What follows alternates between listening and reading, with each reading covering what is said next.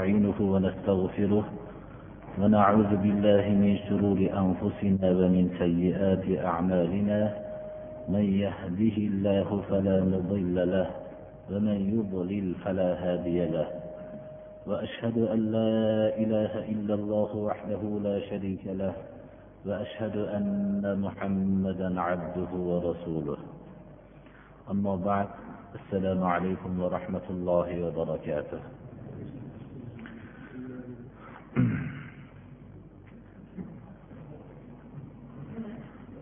Avvalgi qur'oni karimdan bo'lgan juma kunidagi darsimizda alloh subhanahu va taolo aqidada shak qilayotgan kishilarning aqida asosi bo'lgan qur'oni karimni tadabbur qilishlikka chorlaydi. Qur'oni karimning tadabbur qilishlik ularning aqida manbasi bo'lgan qur'oni karimning alloh subhanahu va taolo tarafidan ekanligiga o'zi tadabbur qilishlik yo'llashligidan qur'oni karimni tadabbur qilishmaydimi? Agar qur'oni karimni tilovat qilishib bilishsalar bunda ilohiy nido ekanligini aniq ular shu ilmni hosil qilishgan bo'lardilar degan farmondan keyin harbiy islomiy lashkardagi o'ziga xos bo'lgan bir nizomni bir oyat bilan bildiradi. Bu oyatni avvalgi darsimizda aytib o'tganimizdek biz ham o'zimiz har birimiz bu oyat darsini o'rganishimiz kerakki xususan fitnalar tarqalgan vaqtda din dushmanlari tarafidan musulmonlarga har xil bir xabarlarni tarqatib ularni o'rtasidagi saflarni buzishlikka bo'lgan harakatlar bo'lganda mana bu oyatdagi dars bizga juda ko'p foydali ekanligini aytib o'tgan edik.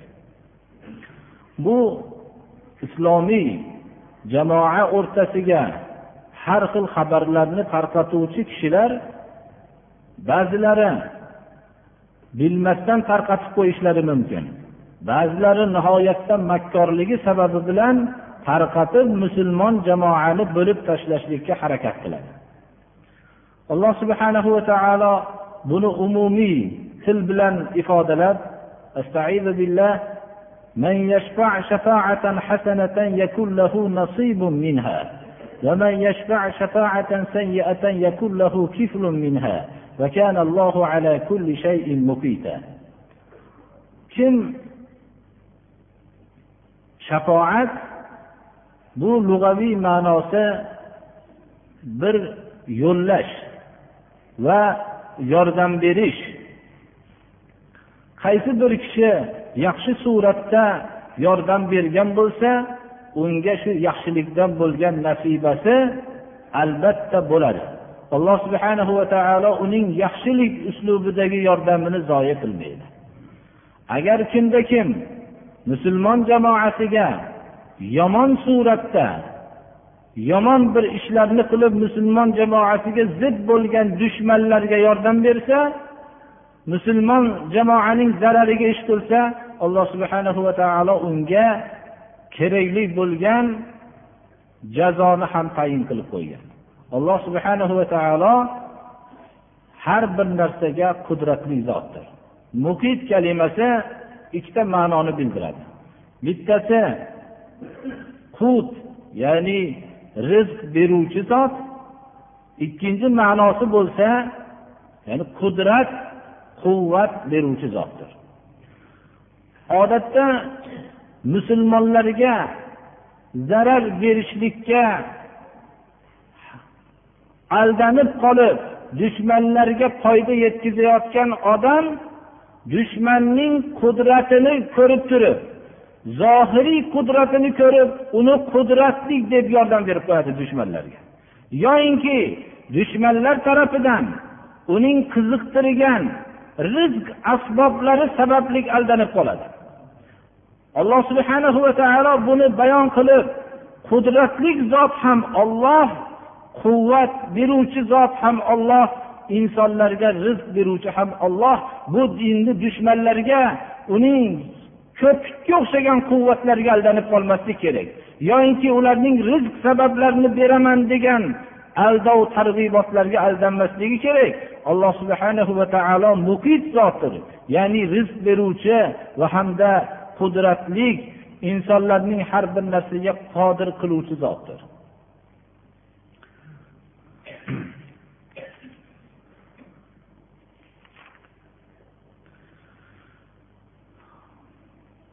inson bir jamiyatda yashagandan keyin u jamiyatda musulmon jamiyatmi ro'barosida umrida birinchi marta tanishgan kishi u musulmonmi yoyinki musulmonlarning aksida turuvchi dushmanmi yoyinki u betaraf kishimi nima ekanligini tez suratda bila olmaydi.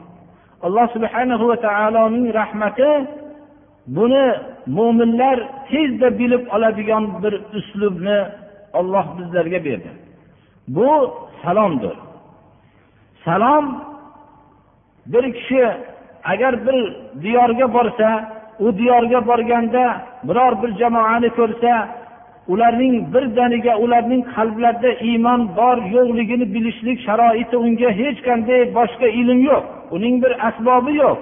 Shuning uchun eng oson uslubni alloh subhana va taolo bizlarga shu ne'matni berdi. Bu salom ne'matidir. Shu vaqtda biror bir notanish kishini ko'rganda assalomu alaykum deyishlik bilan salomni olmadimi? Siz bu vaqtda o'zingizni hushyor tortib demak bu islomdan begona bo'lgan kishi degan narsa bo'lib uning dushmanligini his qilib o'zingizda bir tayyorgarlik hosil qilaverasiz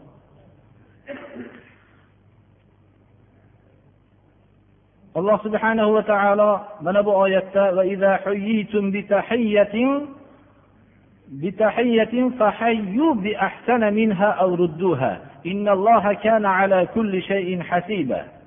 agar sizlarga salom berilsa sizlar undan ko'ra go'zalroq suratda salomga javob beringlar.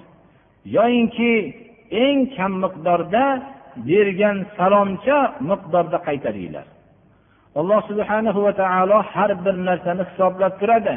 Hatto sizlarning salom berishlikda va salomga alik olgandagi yaxshiroq suratdagi salomga bo'lgan javobni yoyinki loaqal shu miqdordagi javobni hammasini hisob qilib turuvchidir qilingan yaxshiliklarning birortasi zoyi bo'lmaydi rasululloh sollallohu alayhi vasallam savol qilindilarki وقد سئل رسول الله صلى الله عليه وسلم أي العمل أفضل أي العمل خير قال تطعم الطعام وتقرأ السلام على من عرفت ومن لم تعرف imom buxoriy rivoyat qilganlar. Amallarning qaysinisi afzal deb savol qilinganlarda turlicha javob berdilar. Mana bu savolda javob berdilarki taom yedirmoqligingiz va salomni taniganu tanimagan kishiga salom bermoqligingiz dedilar. Hatto shunday o'rinlar bo'ladiki dunyodagi eng yaxshi amal shu o'rinda salom bo'lib chiqadi birodarlar. Rasululloh sollallohu alayhi vasallam amallarning qaysinisi afzal deganlarda turlicha javob berdilar. Ba'zi vaqtlarda birrul validayn dedilar. Ota onaga yaxshilik qilishlik ba'zi vaqtda al jihadu fi sabilillah dedilar alloh yo'lida jihod qilish dedilar. Ba'zi vaqtda al halul murtahil qur'onni tilovatini boshlab to'xtatmasdan davomiy suratda tilovatni davom ettirib yuruvchi kishining amali afzal amal dedilar. Ba'zi vaqtlarda mana hozirgi hadisda taom yedirmoqlik dedilar. Ba'zi vaqtlarda tanigan va tanimagan kishiga salom berishlik dedilar. Bu savollarningga turlicha bo'lgan javob shunga dalolat qiladiki rasululloh sollallohu alayhi vasallam makorimi axloqni oliy o'ringa olib chiqishlik uchun payg'ambar qilib jo'natilinganlar kishilarning muhotabning hojatini bilib shunga eng zaruriy bo'lgan ehtiyojga javob berdilar. Ba'zi o'rinlarda salom berishlik afzal amal bo'lib qoladi birodarlar. Ba'zi kishilar nihoyatda ibodatni yaxshi qilishadi lekin ota onalariga beparvo bo'ladi. Ba'zi kishilar ota onalariga juda ham farmonbardor bo'ladi. Lekin masalan qur'on tilovatini mutlaqo qilmaydi. Ba'zi kishilar shu amallarni hammasini qilishligi mumkin. Biror muhtoj kishiga yediradigan vaqtda uning baxillik xususiyati qo'zg'aladi. Ba'zi kishilar bo'lsa bu xususiyatlarni ham qiladi. Taniganiga salom beradi xolos. Tanimaganga salom berishlikdan o'zining bir kibri to'sib turadi. Xullas muhotabning holini bilib rasululloh sollallohu alayhi vasallam o'zlariga berilingan zakovat va hamda vahiy quvvati bilan muhotabning nuqsonini tarbiyalardilar. Mana bu oyatdan ulamolar shuni hujjat qilishadilarki salom berishlik sunnat ya'ni sunnati muakkadalardan. Ammo salomga javob berishlik farz hisoblanadi. Chunki alloh subhanahu va taolo afzal javob qaytarishlik bilan salom berilingan miqdordagi qaytarishlikni ixtiyoriga qo'yyapti bir kishi assalomu alaykum desa uning javobiga assalomu alaykum va rahmatulloh desa unga afzal javob bergan bo'ladi salomdan ko'ra afzalroq surat bilan javob bergan bo'ladi bir kishi assalomu alaykum va rahmatulloh desa unga va alaykum assalom va rahmatullohi va barakatuh desa unga afzalroq javob qaytargan bo'ladi. Bir kishi to'la suratda salom bergan bo'lsa unga endi bundan afzal javob berishlikni imkoniyati yo'q uning miqdoricha javob qaytarishlik bo'ladi. Xullas salom islom birinchi marta uchrashgan odamingiz bilan uning o'zizga do'stmi dushmanmi ekanligi uchun juda bir sodda bir uslubni ko'rsatdi shu bilan birga amallarning eng afzali bo'ldi. Haqiqatda ham bir joyga borganingizda u yerga salom berishingiz bilan u yerda salomga javob bo'lishligi bilan o'rtada birdan ulfat hosil bo'ladi. Bu nimaning xususiyati? Alloh subhana va taolo tarafidan bo'lgan buyruqqa javob qaytarilgandan keyin ollohning bergan o'zi ne'mati bo'ladi.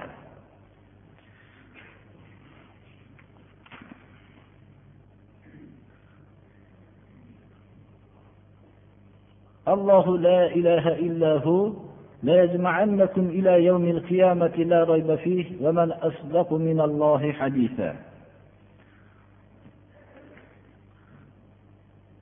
darsimizning davomida rasululloh sollallohu alayhi vasallam islomga yuzaki kirgan munofiqlarning ularning turlari har xil edi. Madinadagi munofiqlarga nisbatan rasululloh sollallohu alayhi vasallam ularning zohirlari bilan kifoyalanib ularning qalblarini alloh subhanahu va taologa topshirgan edilar. Lekin shu bilan birga ulardan doim hushyor bo'lardilar. Ularga nisbatan musulmonlarga qilingan muomalani zohiran shu bilan kifoyalanardilar. Lekin islom tarixida ma'lum bo'lgan emaski biror marta madinaga madinadan boshqa o'ringa ketayotgan vaqtlarda biror bir munofiqni madinaga voliy qilib ketganliklari. Bu rasululloh sollallohu alayhi vasallamning munofiqlarni qanchalik bilganliklariga dalolat qiladi. Lekin shu bilan birga alloh subhanahu va taoloning buyrug'i ularning zohirlari bilan kifoyalanib botillarni ollohga topshirish edi madinaning tashqarisida bo'lgan munofiqlarga nisbatan boshqacha yo'l tutgan edilar.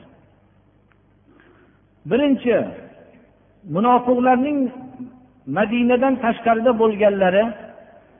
Ikkinchisi ba'zi bir munofiqlar bor ediki o'zlari bilan musulmonlar o'rtasida ahdi paymon bo'lgan kishilarga aloqalarini ya'ni bog'lab yurishardi ya'ni musulmonlar bilan biror bir toifa o'zining dinida bo'lgan toifalar o'rtasida sulh urushmaslikka sulh tuzilgan bo'lsa shu kishilar bilan ular aloqada bo'lib yurishardi.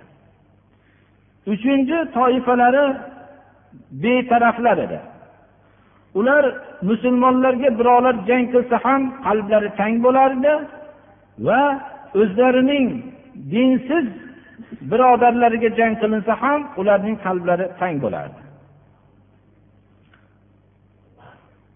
To'rtinchi toifasi madinaga kelishsa o'zlarida islomni ko'rsatishardi.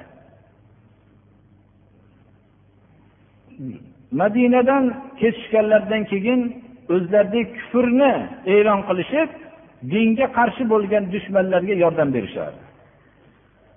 Rasululloh sollallohu alayhi vasallam bularga nisbatan qanday munosabatda bo'lishliklariga alloh subhanahu va taolo oyatni nozil qildi.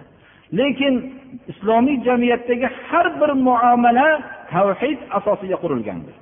Shuning uchun bularga nisbatan bo'lgan muomalaning avvalida alloh subhana va taolo o'zining vahdoniyatini isbot qiluvchi oyatni nozil qilib allohu la ilaha illahu ollohning yakkaligini bayon qiluvchi oyat kelyapti.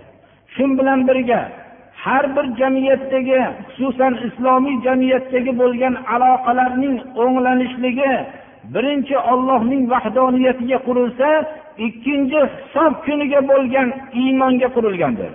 Alloh subhana va taolo hammani qiyomat kuniga jamlaydi. Bu yerda hisob qiladi degan e'tiqod bo'lgandagina bir jamiyatdagi muomala suratlari o'nglanishligi mumkin. Bo'lmasam har bir kishiga bittadan emas balki ikkitadan qo'riqchi qo'yishlikka muhtoj bo'lib qolinadi. Ammo kishi o'zining hisob kunida ollohning huzurida turishligini bilar ekan uning qo'riqchisi qalbga o'rnaydida unga tashqaridan bo'lgan qo'riqchini keragi bo'lmaydi. Hozirgi hayotdagi tortilib hayotda hosil bo'layotgan muammolarning hammasi ko'payib borayotganligining siri bu jamiyatdagi aloqalar vahdoniyat asosiga qurilmagan va qiyomatdagi hisob kitobning barhaq ekanligi fikriga qurilmaganligidan muammoning bittasini yechilsa u muammoning atrofida o'nta muammo paydo bo'lyapti. Shuning uchun muomalalardan ilgari alloh subhana va taolo bu muomalalarga nisbatan adolat haqiqat bo'lishligini bayon qilishlikdan ilgari ollohning vahdoniyatini isbot qiluvchi oyatni keltiryaptiki allohu la ilaha illahu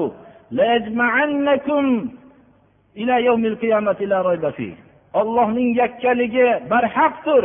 Sizlarni hammanglarni kelishligida shubha bo'lmagan qiyomat kuniga jamlaydi. Ollohdan ko'ra so'zi sodiqroq bo'lgan zot bormi?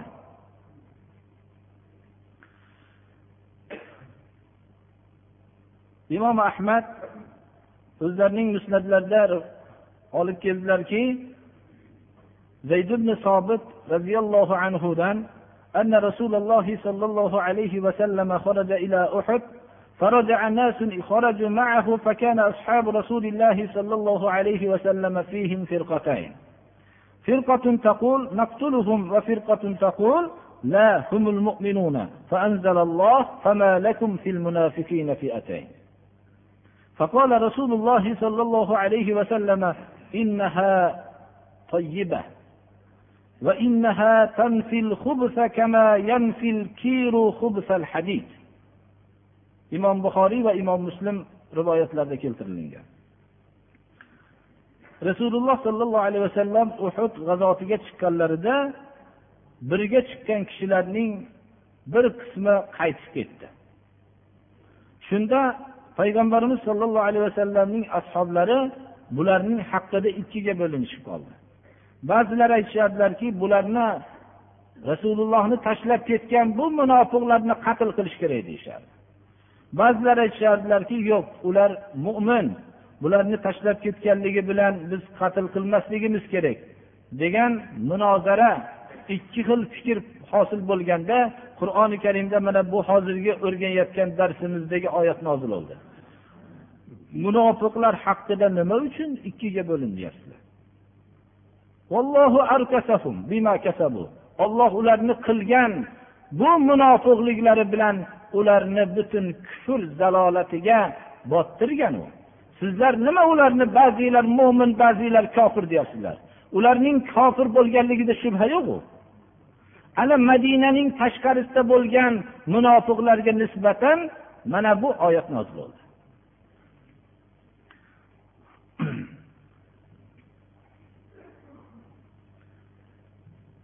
Boshqa bu haqdagi rivoyatlar ham borki rasululloh sollallohu alayhi vasallam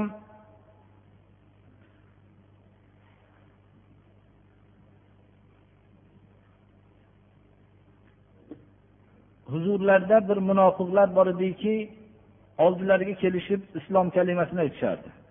Mushriklarga ammo yordam berishardi. Makkadan bular o'zlarini bir hojat istashib chiqishdilar aytishdiki agar biz o'zimizni hojatimiz bilan chiqyapmiz muhammadni ashoblariga ro'baro bo'lib qolsak bizga hech qanday bir zarar yo'q deyishdi. Mo'minlar makkadan bularning chiqqanliklarini eshitishganlaridan keyin mo'minlarning bir toifasi aytishdilarki bu qo'rqoqlarni oldiga borib qatl qilinglar deyishdi. Ular dushmanlarga yordam o'zinglarni dushmanlaringlarga yordam beryapti deyishdilar.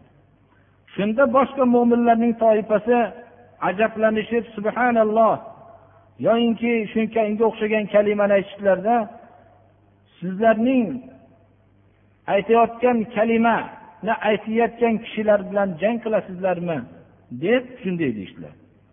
Ular hijrat qilishmagan edi. Madina munavvaraga hijrat qilishmagan edi. Va o'zlarining diyorlarini ollohni yo'lida tashlab ketishmagan edi. Imkoniyatlari bor edi. Islomning dushmanlariga makkada turib yordam berishardi. Madinaga kelishgan vaqtda islom kalimasini yuzaki suratda aytib qo'yishardi. Mana bular haqida mo'minlar ikkiga bo'linishgan vaqtda alloh subhana va taolo bu oyatni nozil qildiki munofiqlar haqida nima uchun ikkiga bo'linyapsizlar? Olloh ularni o'zlarining qilgan munofiqliklari sababli bu kufr zalolatiga bottirgan ularni. Mana shundan ma'lum bo'ladiki rasululloh sollallohu alayhi vasallam hijrat qilgan vaqtlarida makkada turib madinaga kelishgan vaqtda islom kalimasini aytib qo'yishib makkada turib butun islomning dushmanlariga yordam berib musulmonlarni qatl qilayotgan munofiqlarga nisbatan alloh subhana va taolo mana bu oyatni nozil qildi. Ya'ni ularning kofir bo'lganligida shak shubha yo'q dedi.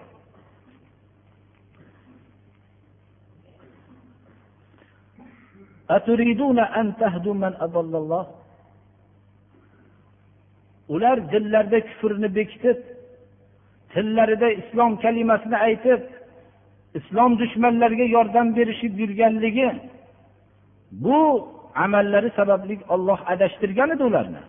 Olloh adashtirgan kishilarni sizlar hidoyat qilishlikni maqsad qilasizlarmi alloh subhanahu va taolo qalbida hidoyatga rag'bat bo'lmagan kishini hidoyat qilishlikni xohlamagan.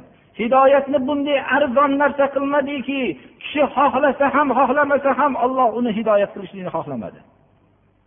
Mana bu narsani biz avvalgi darslarimizda ham ko'p takrorladik. Hidoyat bu qiymatbaho narsa. Lekin shuncha qiymatbaho narsa bo'lsa ham alloh subhana va taologa inson meni haqqa olloh hidoyat qilsin deb rag'bat qilishligi bilan olloh tarafidan hidoyat keladi.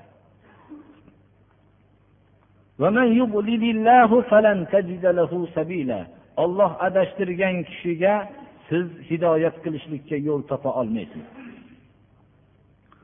Ularning dillarida yomon maraz bor.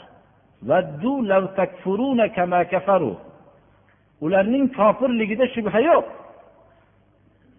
Og'zi bilan islom kalimasini aytib islom dushmanlariga yordam berayotgan kishining kofirligida shak yo'q birodarlar.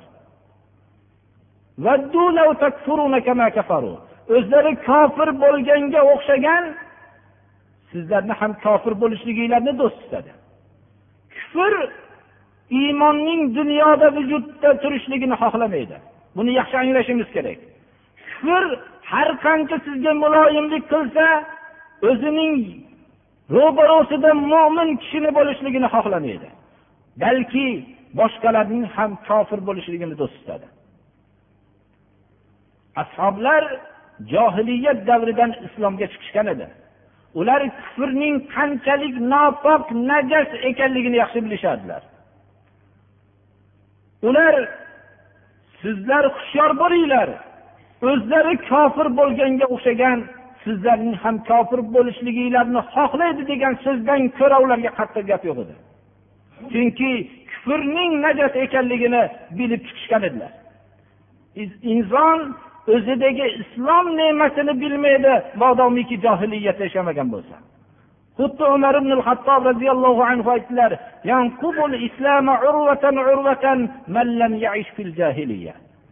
johiliyatda yashamagan kishi islomni birma bir qadrlay olmaydi dedilar. Sizlarni kofir bo'lishliginglarni do'st deganda ularning vujudlari titrab ketardi. Chunki u kufrning najas ekanligini yaxshi bilishardilar. Shuning uchun ham islom oilasida tug'ilgan kishi islom ne'matini qadrlay olmaydi. U o'zidagi katta ne'matni bilmaydi. Ammo kufrni kofirlarning ularga bir chuqur nazar tashlasa shirkka bir chuqur nazar tashlasa u najas ekanligini his qiladi shuning uchun sahobalar buni yaxshi his qilishadilar ular iymon halovatini tatishgan edilar rasululloh sollallohu alayhi vasallam aytdilarki أن يكون الله ورسوله أحب إليه مما سواهما وأن يحب المرء لا يحبه إلا لله وأن يكره أن يعود في الكفر uchinchi sifat shu edi uchta iymonning halovatini tatishlikka sabab bo'ladigan uchinchi sifat inson o'zini kufrga qaytishligini o'ylaganda xuddi o'tga uloqtirilayotganligini yomon ko'rgandek yomon ko'rgan sifat topilgandagina iymon halovatini tatiydi. Ana ular iymon halovatini tatishgan edilar. Shuning uchun degan oyat ularga kifoya qiladi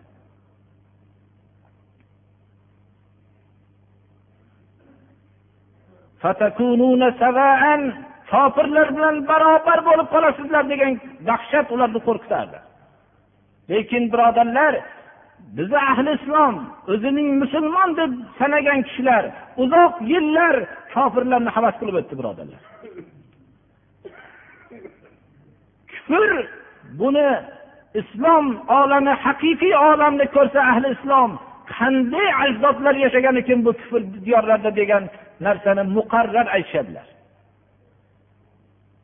Inson o'zining johiliyatdan islomga chiqqan vaqtida najasxonadan pokiza olamga chiqqanligini his qila olishligi kerak.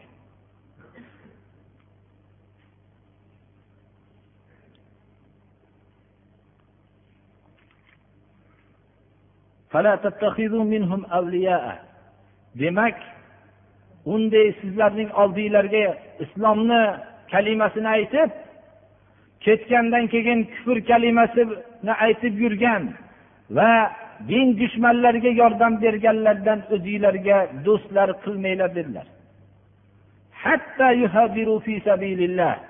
Olloh yo'lida hijrat qilishmaguncha madinaga olloh yo'lida madinaning xurmosi serob ekan deb emas madinada biror bir tiriklikni oson etishlik uchun emas faqat olloh yo'lida hijrat qilib molidan vatanidan voz kechib olloh yo'lida olloh rasulini ixtiyor qilib ketmaguncha ulardan do'st o'zinglarga qilmanglar dedi.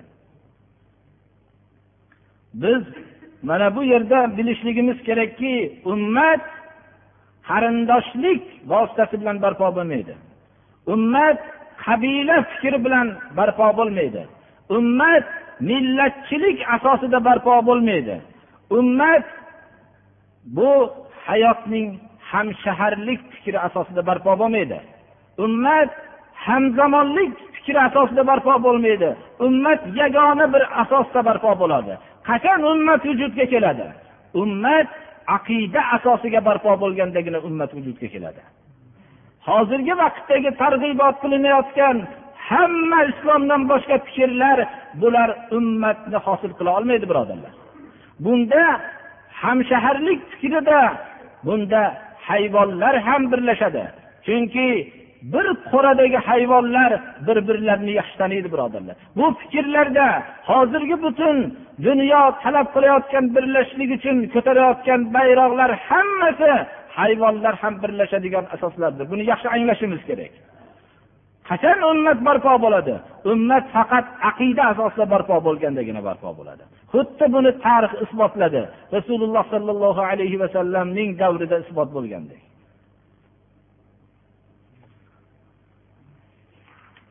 ana madinada ummat barpo bo'lgan edi. Ya'ni u yerda ummat o'zining barpo bo'lishligi uchun suyimlik shaharini ibrohim alayhissalom qurgan kabai muazzama joylashgan vatanni tashlab keta oldi. Ummat madinadagi ummat makkani o'ziga nisbatan doril harb deb e- e'tibor qildi. Hatto dunyodagi eng suyumli shaharni alloh subhanahu va taolo ashoblarning tashlab ketishligini iroda qildi. Ularning qalblarida olloh rasulidan boshqa hech bir narsa qolmaydigan holatni tarixda isbotladi. Ular ularga nisbatan makka doril harb bo'ldi birodarlar. Buni yaxshi bilishimiz kerak.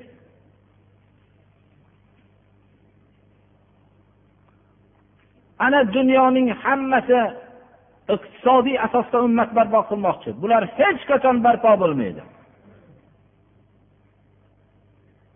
Shu aqida dan kelib chiqqan ijtimoiy nizom shu asosdagina ummat barpo bo'lishligi mumkin.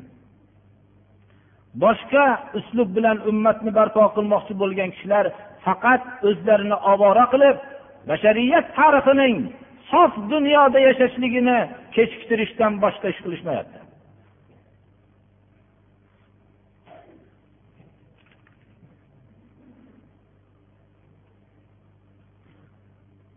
فخذوهم واقتلوهم حيث وجدتموهم ولا تتخذوا منهم وليا ولا نصيرا agar sizlardan bosh tortsa ya'ni ollohni yo'lida olloh rasulini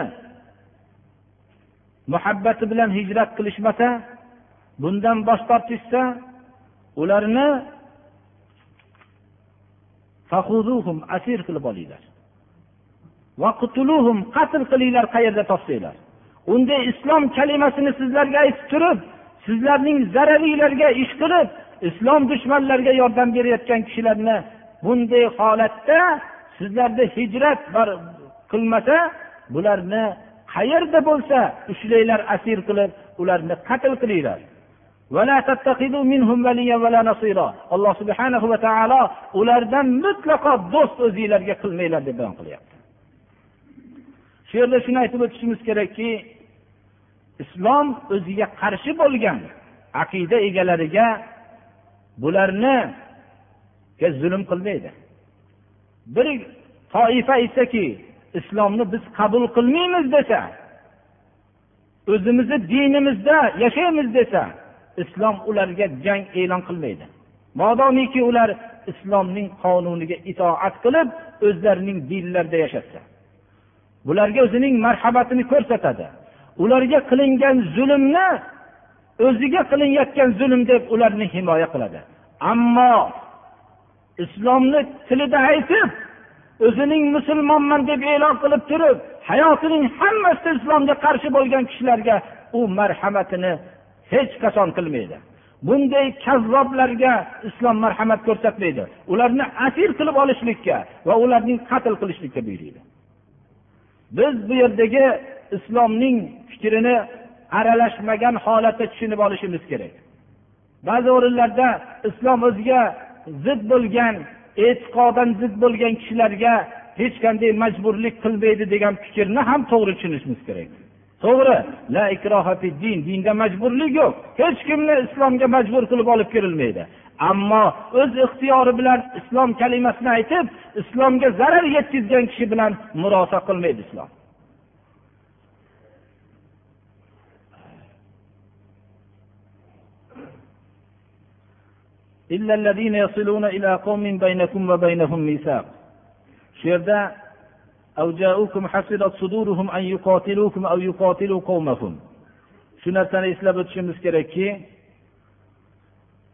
islom mana bu yerda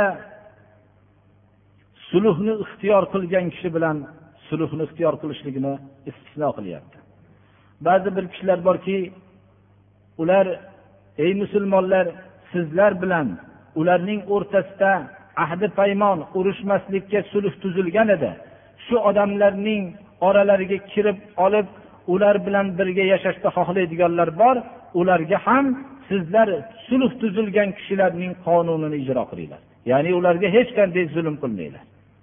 Demak musulmonlar bilan bir jamoa o'rtada sulh tuzgan bo'lsa urushmaslikka va tinch totuv yashashlikka aqidada boshqa bo'lgan toifa bo'lsa ham musulmonlar bilan sulh tuzgan bo'lsa boshqa toifalar shu sulh tuzgan toifalar bilan birga yashashlikni xohlasa islom ularga sulh qo'lini cho'zadi. Yoyinki yana bir toifa borki hech qaysi toifaga qo'shilmaydi.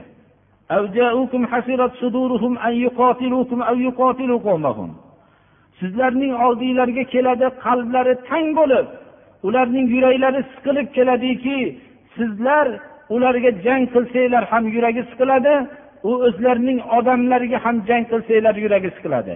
Ya'ni sizlarning sizlarga masalan birovlarning jang qilishligini ham xohlamaydi va sizlarning ham boshqalarga jang qilishliginglarni xohlamaydi. Mana bunday kishilarga ham sulh qo'lini cho'zinglar. Inson tinch totuv yashayotganda bu oyatni tushunmaydi. Ammo jiddiy turgan vaqtida bir toifaning betaraf turib hech qaysi tarafga qo'shilmay turgan vaqtda unda uning g'azabi qo'zg'aladida bularni yo u yoqqa qo'shiltirishimiz kerak yo bu yoqqa qo'shiltirishimiz kerak degan bilan g'azabi qo'zg'aladi alloh subhana va taolo insonning fitratiga kelayotgan bu g'azabni bilib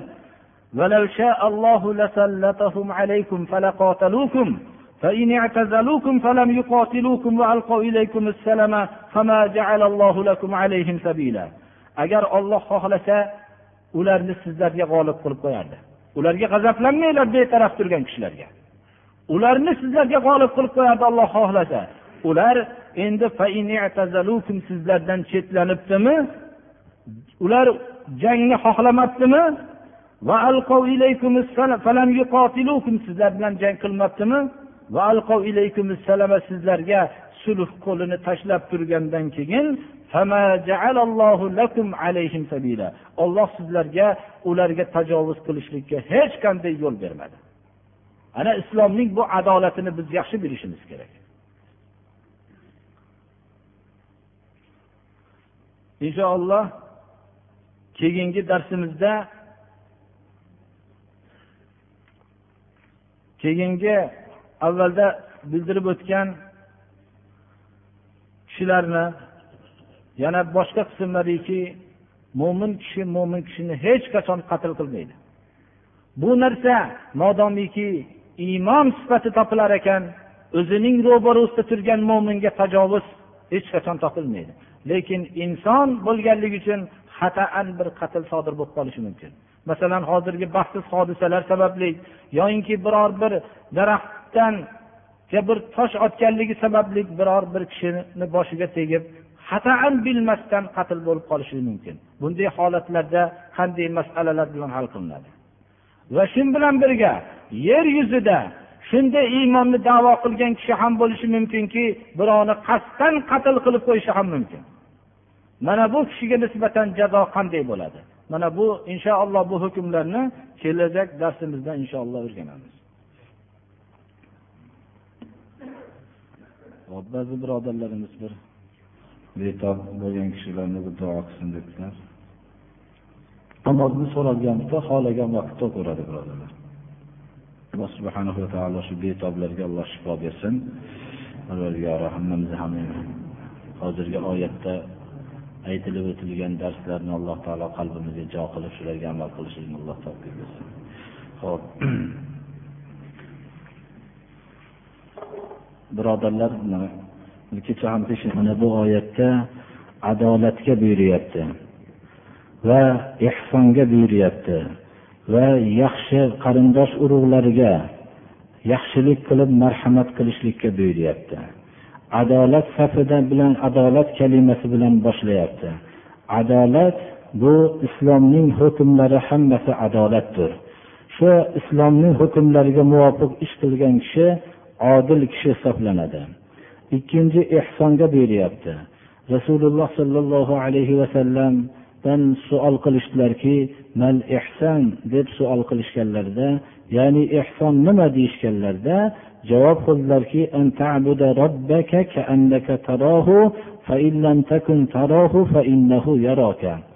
ya'ni robbingizni ko'rib turgandek sig'inmoqligiz dedilar. Agar robbingizni ko'rib turgan holatni o'zingizga paydo qila olmayotgan bo'lsangiz robbim meni ko'rib turibdi deb allohga sig'inib yurishligingiz ehson dedilar. Birodarlar ehson kalimasining biz mana bu ma'nosidan biz g'ofilmizki ehson deganda faqat bir kishilarga bir narsa yedirishlikni aytamiz xolos. To'g'ri bir kishilarga yedirishlik bu amallarning yaxshisidan lekin ehsonning ma'nosini hammasi emas. Ehson ma'nosining bittasidir u. Bu ham shariatga muvofiq bo'lgan suratda. Va yaqinlarga marhamat qilishlikka buyuryapti. Alloh subhanahu va taolo fahshodan qaytaryapti va munkar ishlardan tajovuzkorlikdan qaytaryapti. Alloh subhanahu va taolo sizlarni shularga buyuryapti tafakkur qilishinglar uchun deb. استغفارات إليه أستغفر الله أستغفر الله أستغفر الله تعالى أستغفر الله تعالى أستغفر الله أستغفر الله. آمين. اللهم تقبل منا إنك أنت السميع العليم. hammani qalbi erib turibdi birodarlar دعاء qilaylik الله سبحانه وتعالى parvardigori islomga quvvat bersin parvardigor parvardigor islom diniga quvvat bergin o'zing parvardigor gunohlarimizni kechirgin parvardigor ibodatlarimizni qabul qiling parvardigor avlodlarimizni haq yo'lga hidoyat qilgin parvardigor parvardigoro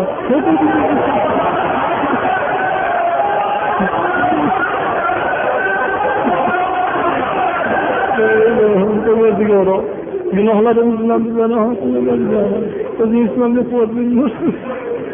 ربنا أغفر لنا ذنوبنا وإسرافنا في امرنا وثبت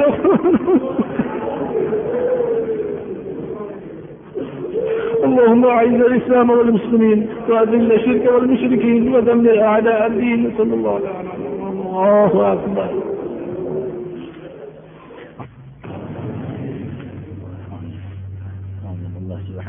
taolo robbimiz olloh deydigan kishilardan qilsin shu istiqomatni alloh taolo o'zi zoyil qilmasin islom diniga quvvat bersin sallallohu taala muhammad va ashabihi ajmain. Allohu akbar. La ilaha illalloh la sharika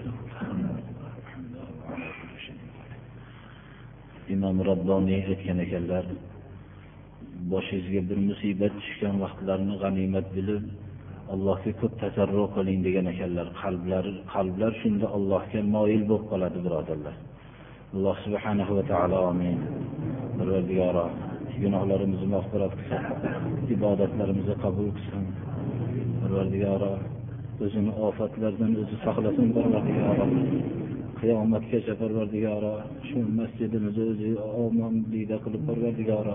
Hamda dunyodagi parvardigoro musulmonlarni ofatdan saqlagandek bizni masjidda bo'lishdan alloh taolo o'zi saqlasin alloh subhanahu va taolo farzandlarimizni hammasini haq yo'lga hidoyat qilsin islomga quvvat bersin parvardigoro parvardigoro mushriklarni xor qilsin parvardigoro dinga yaxshilikni iroda qilgan kishilarga alloh yordam bersin dinga yomonlikni iroda qilganlarga alloh o'zi kifoya qilsin ونعوذ بك من شرورهم. وصلى الله تعالى على خير خلقه محمد وآله وأصحابه أجمعين. الله أكبر.